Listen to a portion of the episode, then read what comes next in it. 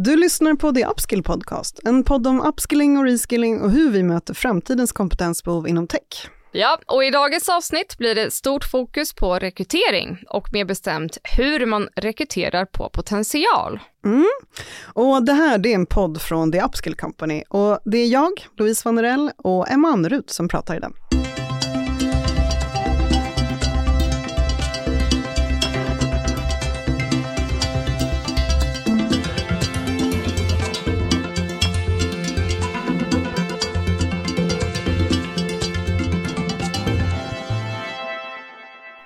Och välkommen till ett riktigt maxat avsnitt med ett intressant ämne och en gäst. Vår rekryterare Alexandra Davis är med oss här idag för att verkligen dyka ner i djupet kring det som vi ju ofta pratar om här i podden men aldrig riktigt har grottat ner oss i ordentligt förrän nu, nämligen att hitta och rekrytera människor genom att leta efter potential istället för att titta på CVn och tidigare meriter. Och det är ju så som vi på Upskill jobbar. Eh, det finns ju den traditionella rekryteringen som fortfarande en eh, överväldigande majoritet av alla bolag jobbar via.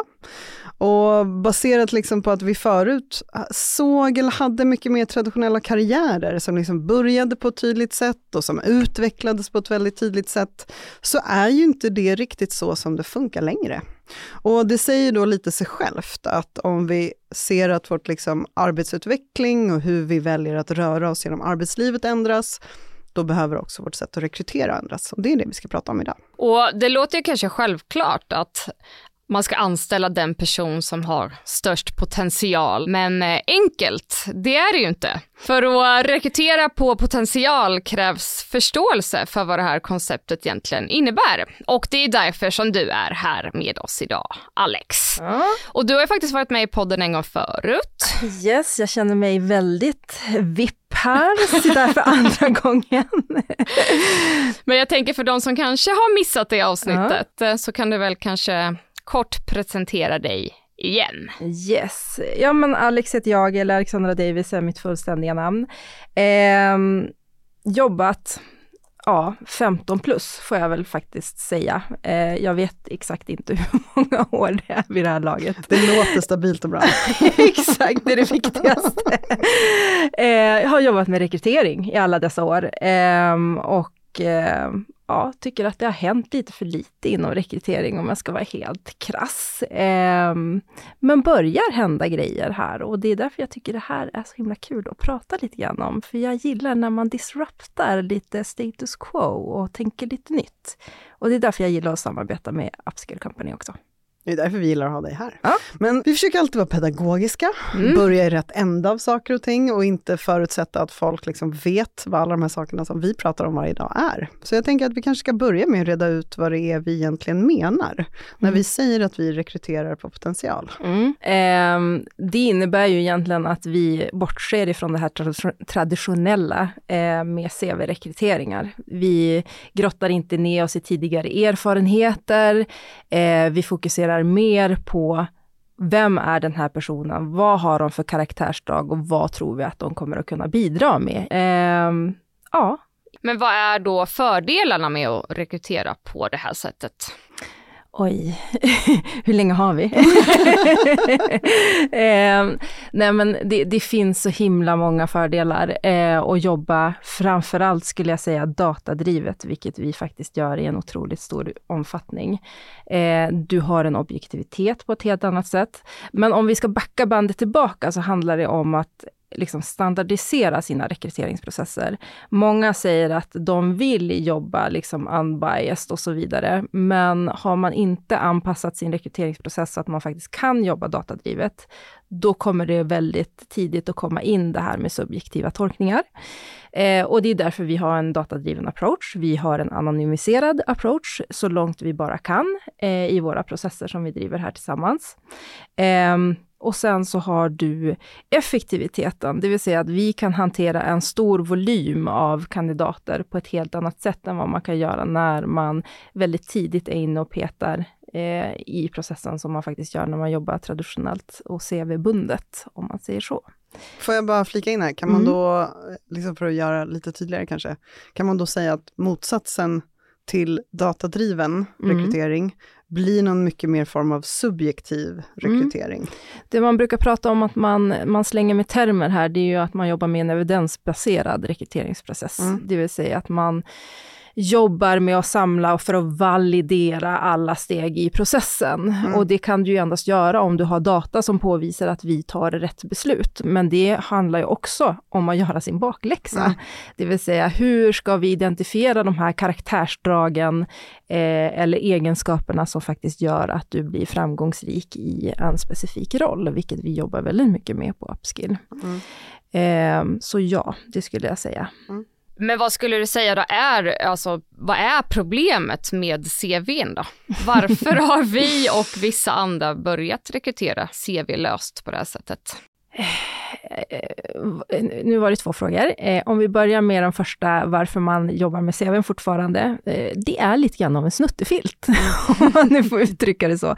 Det är väldigt skönt att kunna säga att eh, ja, men jag har tittat på och utvärderat en persons CV.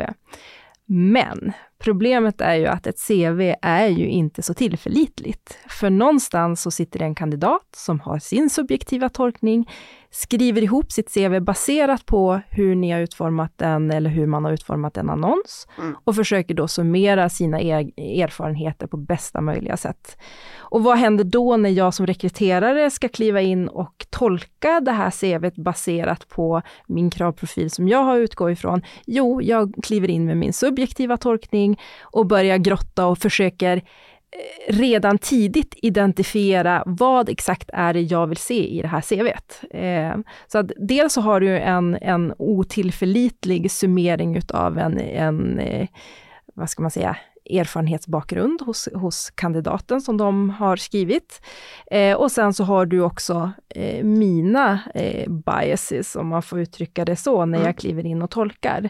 Till skillnad från om man jobbar då CV-löst, där du faktiskt kan kliva in och ställa frågor som du faktiskt vill ha svar på. Mm. Eh, ingen gissningslek, ingenting, eh, och, och liksom kan jobba mycket mer effektivt i, i processen tidigt. Det skulle jag säga.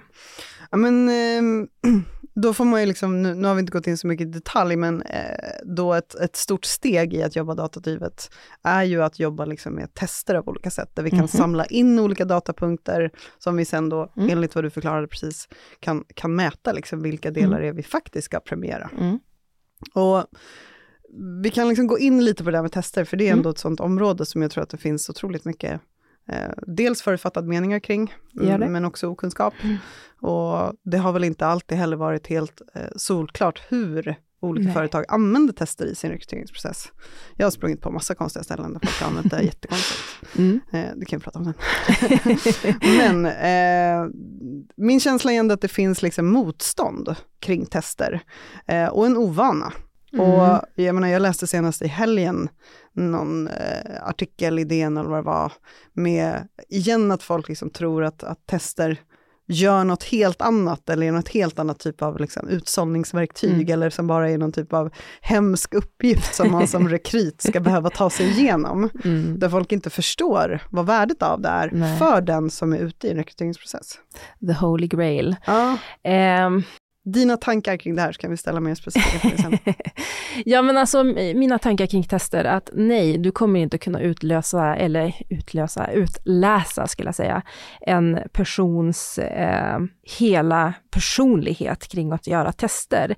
Däremot så får du ett indikativt värde på hur den här personen agerar eller hanterar olika situationer. Och det kombinerat då med logiska eh, tester gör ju att du får en ganska bra helhetsbild. Jag säger inte att den är fullständig, men återigen, indikativa värden på hur den här personen kommer att agera i olika sammanhang. För någonstans det jag tror att många glömmer bort, det är ju att det faktiskt är kandidaten själv som har svarat på alla frågorna. Eh, Den har fått viktade svar beroende på hur de har svarat genom hela testet för att de ska tvingas att ta ett beslut åt ändra håll. Så det här handlar ju liksom någonstans om att eh, kandidaterna kanske tycker att det är jobbigt, absolut, men det är någonstans du som individ som har svarat på det här. Mm. Eh, och jag säger inte att det är en absolut sanning, men den kommer ändå kunna ge dig tydliga indikationer eller antydningar kring vem du är som individ. Mm. Om, de, om man dessutom då kopplar det här till att ha en, en intervju som man sen använder det här, de här testerna till, vilket jag rekommenderar 100% att man ska göra, det gör vi, då har du ännu mer på fötterna när du kliver in och kan vara lite mer opartisk i din bedömning av kandidaten också. Mm. Och du har en röd tråd genom hela processen. Och återigen jobbar evidensbaserat. Så att eh, jag förstår skepticismen, mm. jag köper den däremot inte. Mm. Eh, för det finns liksom ingen anledning till att egentligen vara skeptisk om man använder verktygen på rätt sätt många chefer framförallt, eller jag ska inte säga chefer, men de som är ansvariga och ska tillsätta någon till sitt team, vill gärna se att man till exempel scorar absolut högst eh, på vissa parametrar, vilket också är helt felaktigt för en person som kanske eh, är extremt eh, extrovert och, och scorar högt på det kanske eh, skårar lägre på någonting annat. Eller liksom, det följer med vissa egenskaper kopplat till den eh, personens extroverta sida. Det gäller väl kanske bara att vara noga och informera i rekryteringsprocessen Absolut. och liksom kunna motivera varför man använder sig av dem. Men det har varit som sagt, det har varit en trend skulle jag säga att många också nu finns det ju eh, med den här utvecklingen som sker på marknaden, att eh, det finns eh, tillgängliga verktyg för alla på ett helt annat sätt än vad det gjorde när jag började min karriär. Eh, då finns det också en trend mot att ja, men det här ska man ta in, men man förstår inte riktigt varför. Mm. Eh, och då göder det den här skepticismen för att då är det många kandidater som kanske stöter på bolag som ja, jobbar på ett visst sätt, kan inte riktigt förklara hur de använder testerna och säger nej, du svarade inte si eller så och får den typen av återkoppling. Så allting hänger ihop med kommunikation och även kunskap och förståelse om hur man ska använda det här i processer. Det är ju vi också gör lite annorlunda och kanske andra då som rekryterar på det här sättet vi gör, det är ju att använda oss utav tester i det absolut första steget. Mm. Yes. Nej men alltså det är ju också för att vi vill ge så många som möjligt chansen. Alltså alla ska bli utvärderade enligt samma premisser tidigt i processen. Eh, och det visar ju också, precis som vi har varit inne på, att vi förlitar oss inte bara på testerna. Du får göra det tidigt, det får alla, och sen så kommer nästa steg och så kommer du att slussas vidare till nästa efter det. Men det är också avhängt på din effort, eh, mm. det vill säga, har du svarat på de frågorna som vi sen har ställt i samband med att utvärdera dig som person? Mm, det är inte lätt det här att vara Nej, kandidat. Det är ju, vi ska ju heller inte glömma bort att, att vara i en rekryteringsprocess är ju någonting som är ganska stress, stressat för många. 100%. Eller pressat kanske är rätt ord. Eh, det är mycket som är på spel. Mm. Man vill jättemycket och är vi då mer vana vid processen av att jag skickar in mitt CV som jag skriver ut efter hur en annons är liksom mm. utformad. Jag vet att nästa steg är att jag kommer på någon typ av intervju där jag ja, har kanske en erfarenhet av tidigare att jag har fördelar eller nackdelar av vissa olika saker. Det är ju ändå en viss trygghet för att jag vet hur det funkar. Exakt. När man då kastas in i det svarta hålet av att liksom, liksom svara då på de här testerna, ja. eh, som man inte vet liksom vad det är de viktas på eller mm. vad det nu kan vara. Det blir ju en osäkerhetsfaktor mm. som såklart spelar in i att folk tycker att det här är eh, något konstigt. Men, eh, det är ju in... säkert också så att det är de som är duktiga, tycker att man har skrivit ett jättebra ah. personligt brev och mm. har ett jättebra CV. Det är mm. de som blir irriterade på att behöva göra mm. på det här sättet istället. Ja. ja, men jag tror att man tillskriver CV eh, lite en, en statussymbol, mm. att man ska ha ett CV, det ska se ut på ett visst sätt, men någonstans givet den digitala eran som vi faktiskt befinner oss i, folk är inte intresserade av att skriva långa uppsatser om vad de har gjort och inte mm. gjort och det är inte så relevant längre.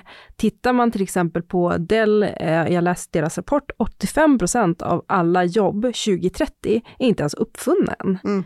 Hur ska vi kunna möta det om vi rekryterar på ett CV? För det finns ingenting på en persons CV, eller ja, det finns ju såklart indikationer i, i CV som antyder att du kan vara en viss typ av person.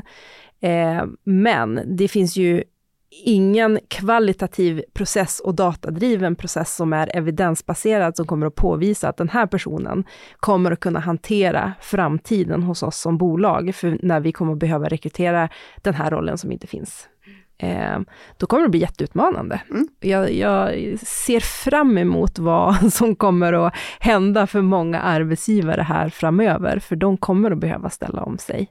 Det är bara en tidsfråga. Sen handlar det om, är man en early adopter eller är man en snigel? Mm. Mm. Sniglarna där ute.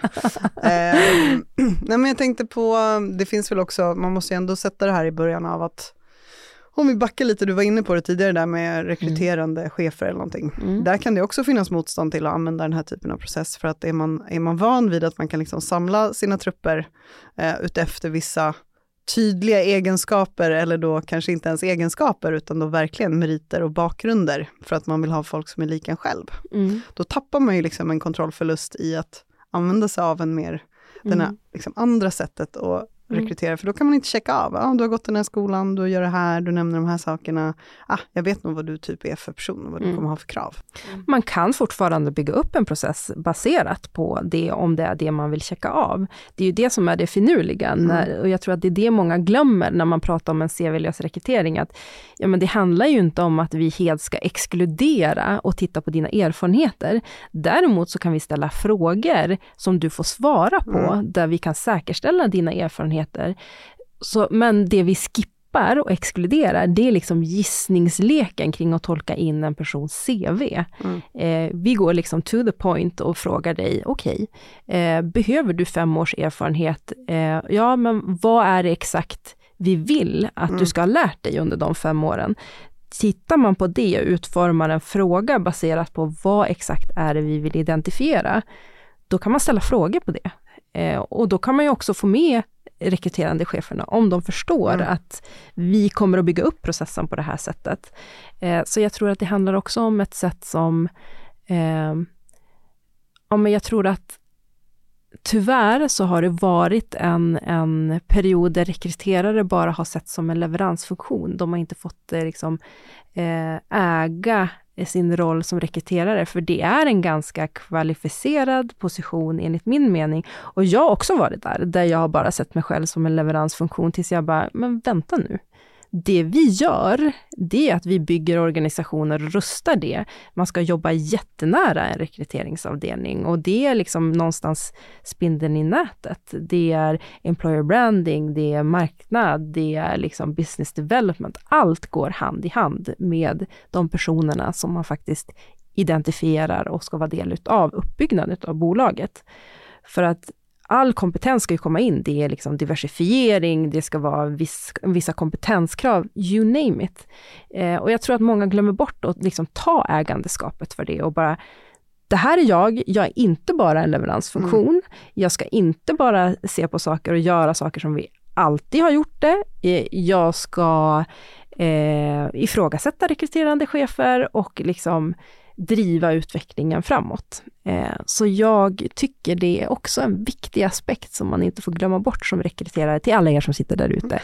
Eh, våga ta ägandeskap för att du är en duktig rekryterare och du vet vad du håller på med. Mm. Eh, och om du inte känner att du vet, ta reda på det.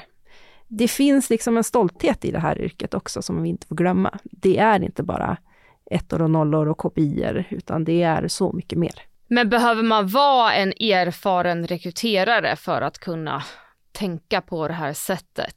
Ska man våga sig på att rekrytera så här själv? Eller Absolut. behöver man ta hjälp för att komma igång? Jag alltså om du frågar mig? Många rekryterande chefer har väl fått väldigt lite träning eller ingen alls när det gäller rekrytering och då är det väl att rekrytera på det här sättet kanske en ännu större utmaning. Mm.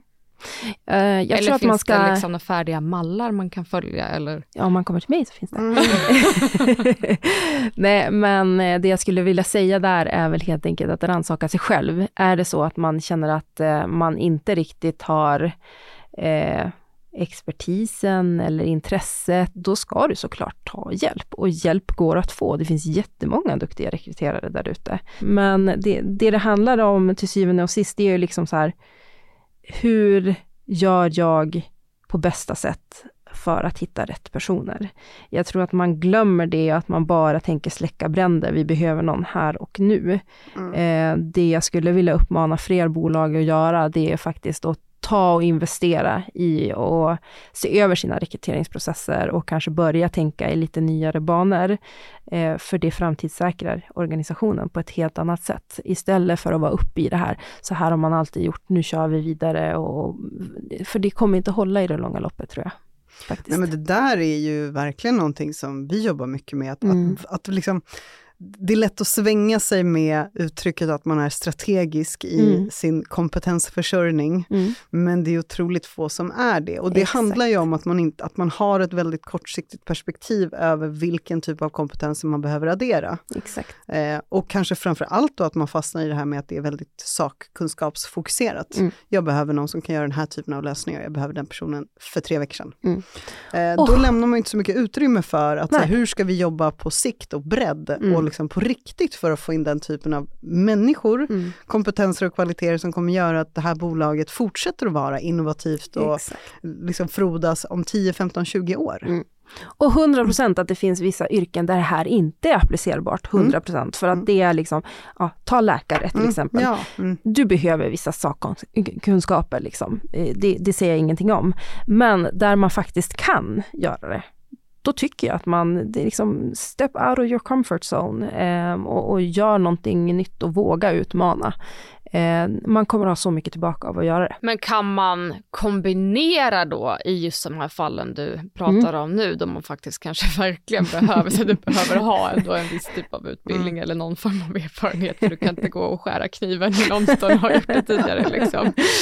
Finns det något sätt att man ändå då kombinerar det här med att titta på CVn och rekrytera på potential, eller är det liksom antingen ja, eller? Ja, det går säkert. Nu, nu är inte jag eh och det, det, var också en punkt som jag tänkte ta upp, att man får ju liksom någonstans eh, inse sina egna brister, vilket jag får göra i det här sammanhanget, till exempel när det kommer till sådana yrken där man inte kan applicera de här processerna på.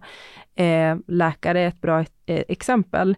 Eh, där har inte jag tillräckligt mycket bakgrundsinformation. Jag har inte jobbat inom det skrået. Jag, jag vet inte om det går att applicera på samma sätt. Min första tanke var väl bara att om det handlar som i, alltså, för det här pratar vi om liksom legitimerade yrken mm. framför allt. Ja, exakt. Eh, och det kan väl egentligen vara, spekulera nu, vill jag bara brasklappen här, eh, att, att man måste uppfylla vissa typer av krav som vi har i vår process. Man måste liksom då vara över 18, man måste ha arbetstillstånd i Sverige eller vilket då mm. nu vår kund väljer att jobba med. Mm. Eh, det kan finnas ett språkkrav. Mm. Jag menar det är krav som vi sätter upp för att man liksom ska kunna gå vidare i processen, även då eh, var någonstans det nu ligger. Och jag bara, man borde ju kunna göra något liknande. Att så här, fyller Absolut. man då upp ett, legitimitets, eller ett legitimeringskrav, mm. eh, ja men då kan du sen gå in i processen av att hitta liksom, rätt person för det här området eller jobbet eller liksom vad det nu kan vara. Alltså nu börjar min hjärna gå så här på högvarv mm. och det, vi, när jag börjar bli så här, för det, det, det, finns ju stora utmaningar inom vården, det tror jag att vi alla är eh, medvetna om. Eh, det vore en intressant tanke att mm. någonstans inte bara titta på ja, men, eh, legitimeringen, utan att man tittar på de här personliga egenskaperna som faktiskt är någonting som man kanske missar inom mm. vården, just för att det är ett bristyrke. Eh, det vore intressant att se hur man kan applicera det eh, på, på ett bra sätt. Jag kan för lite som sagt, det kanske, mm. man kanske redan gör det. Mm. Jag, brasklapp återigen. Eh, men det vore väldigt eh, intressant att se hur man kunde göra skillnad om det är så att man inte gör det. Mm.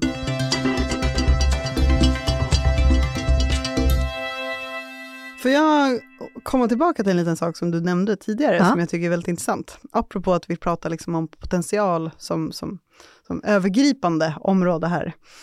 Um, och när du var inne på att man kan liksom fånga upp specifika delar genom att ställa frågor, mm. uh, istället för att ha det då som en kravlista eller en checklista.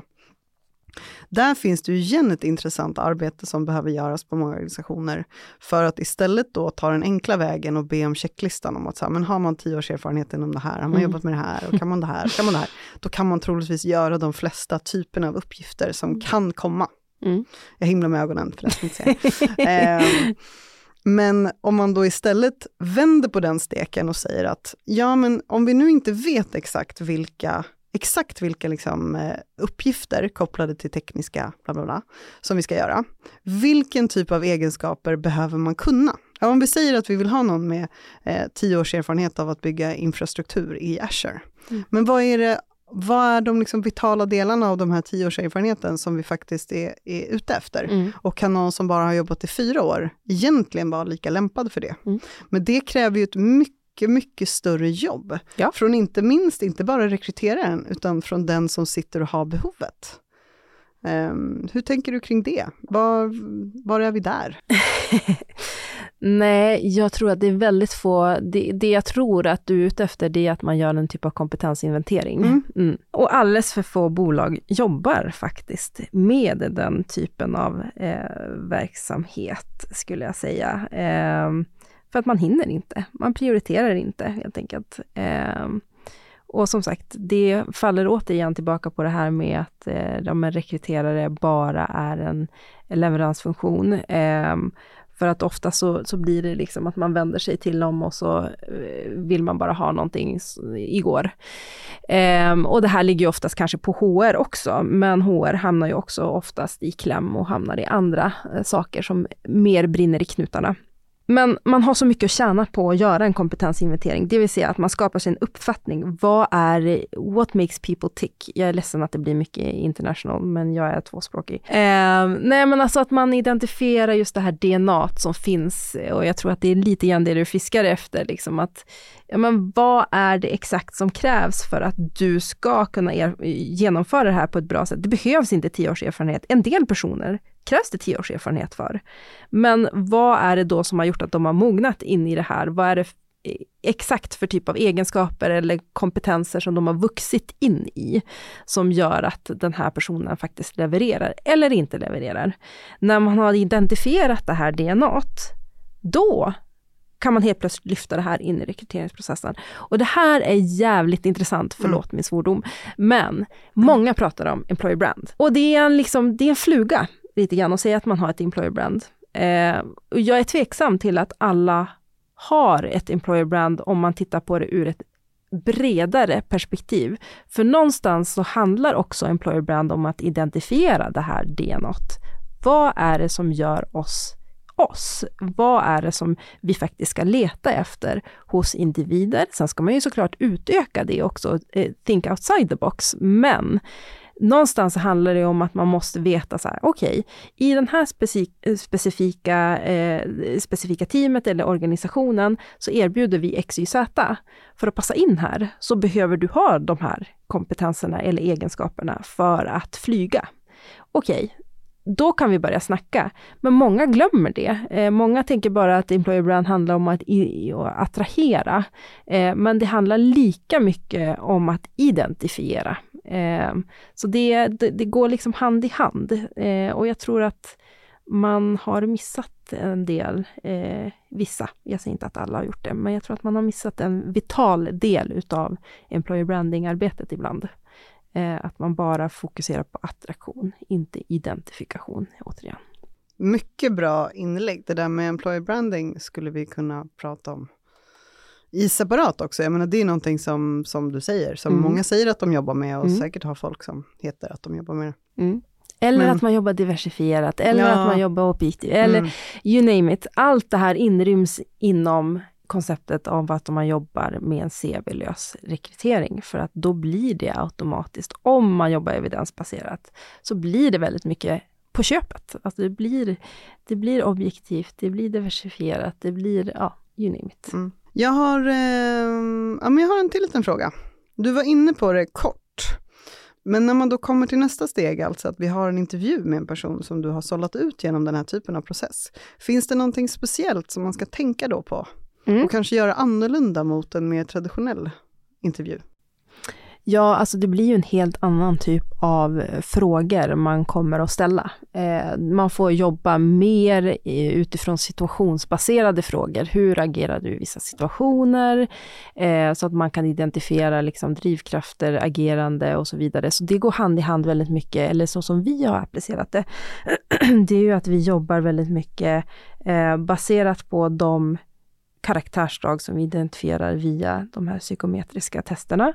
Ehm, så, så använder ju vi det som en röd tråd och ställer uppföljande frågor baserat på de svaren som vi har fått in. Um, och det det gör, det är ju att kandidaten också kommer att känna igen sig och känna sig mer bekväm med de frågorna som kommer. För de känner så här, ja men okej, den här personen har ju faktiskt förstått vad det är jag har eh, svarat på. Jag kan relatera det här till mina svar som jag fick i den här eh, rapporten, som man oftast får när man har svarat på de här testerna. Um, och sen så spinner man vidare på det. Så det handlar om att ställa kompetensbaserade intervjufrågor. Uh, och vad menar jag när jag säger kompetensbaserade intervjufrågor? För det, man kan säga så här, ja ah, men jag vill ju identifiera kompetens. Ja, men kompetenser kan också vara personliga kompetenser, alltså egenskaper hos en, en individ. Så att uh, eh, ja, det är det som är det situationsanpassade eller liksom situationsbaserade underlaget som eh, jag rekommenderar att man plockar fram. Men vad skulle du säga då, om vi ska avsluta med att ge lite bra tips här som jag alltid tycker om att göra. Vilka delar skulle du säga att man behöver då ha på plats för att börja göra på det här sättet och rekrytera på potential istället för på lite mer traditionella vanliga sättet. Det första steget är ju egentligen att sätta upp en eh, evidensbaserad rekryteringsprocess. Och vad innebär det? Jo, men att man jobbar mekaniskt med sina rekryteringsprocesser. Och det låter sjukt tråkigt och många är så här, jaha, men vad händer med den mänskliga interaktionen? Ja, men den kommer senare inte i början på processen. Vi ska, man, vi ska minimera liksom att vara där inne och peta och vara subjektiva i början på processerna, tänker jag. Om det inte är så att man på förhand vet att det är en otroligt svår tjänst att tillsätta, där man kanske måste jobba med search eller någonting mm. annat. Men det är en helt annan femma. Nu pratar jag om liksom breda rekryteringsprocesser. Eh, för utan att ha en strukturerad liksom, intervjuprocess, då faller hela eh, Eh, korthuset, skulle jag säga. Eh, det går inte att driva en sån typ av process utan att ha det på plats. Steg nummer två är det här som vi eh, var inne på Louise. Gör en kompetensinventering. Vad behöver ni för framtiden? För då kan ni börja mappa ut och liksom fundera kring vad är det för typ av hygienfaktorer som vi kan börja ställa frågor om tidigt i processen. Eh, och skippar liksom CV, då måste du veta vad är det för kompetenser vi letar efter, nummer ett. Och det kan du bara svara på om du vet vad har jag internt och vad är det jag behöver leta efter. Eh, och sen så skulle jag säga att träna organisationen till att ställa rätt frågor. Alltså oavsett om det är i rekryteringsprocessen eller ställa de här hygienfaktorerna, men liksom börja utmana er själva, step out of the comfort zone och börja liksom fundera kring hur kan vi vara mer inkluderande, ställa rätt frågor under intervjuprocessen så att vi inte missar de här individerna eh, som vi sen ska snappa upp. Så det är de tre. Eh, för att summera då, eh, evidensbaserat, eh, hitta DNA och eh, sen ställa rätt frågor. Mm. Mycket bra. Då kan vi väl liksom sammanfatta hela avsnittet någonstans med att det finns, vi lever i en annan typ av tid när det kommer till mm -hmm. hur folks professionella utveckling ser ut. Och vill bolag där ute vara med och se till att de fångar upp liksom rätt personer för det här, så behöver de också ställa om i hur deras rekryteringsprocesser ser ut. Mm. En av de stegen kan vara att titta mer på potential än meriter. Mm. Och vill man göra det, då behöver man ställa om sina rekryteringsprocesser så att de blir mer evidensbaserade och datadrivna. Yep. Och mindre eh, subjektiva, för att yes. uttrycka sig otroligt enkelt. Och snälla, ni bolag som ber om ett CV och sen ber en person att fylla i sitt CV i en mall. Hör av er! Så kan vi ta en dialog om varför det inte är en bra idé. Apropå employer branding. Yes. Tack snälla Alex för att du eh, var med oss här idag och eh, gjorde någon förhoppningsvis lite klokare där ute. Eller inte. tack, tack. Tack, tack.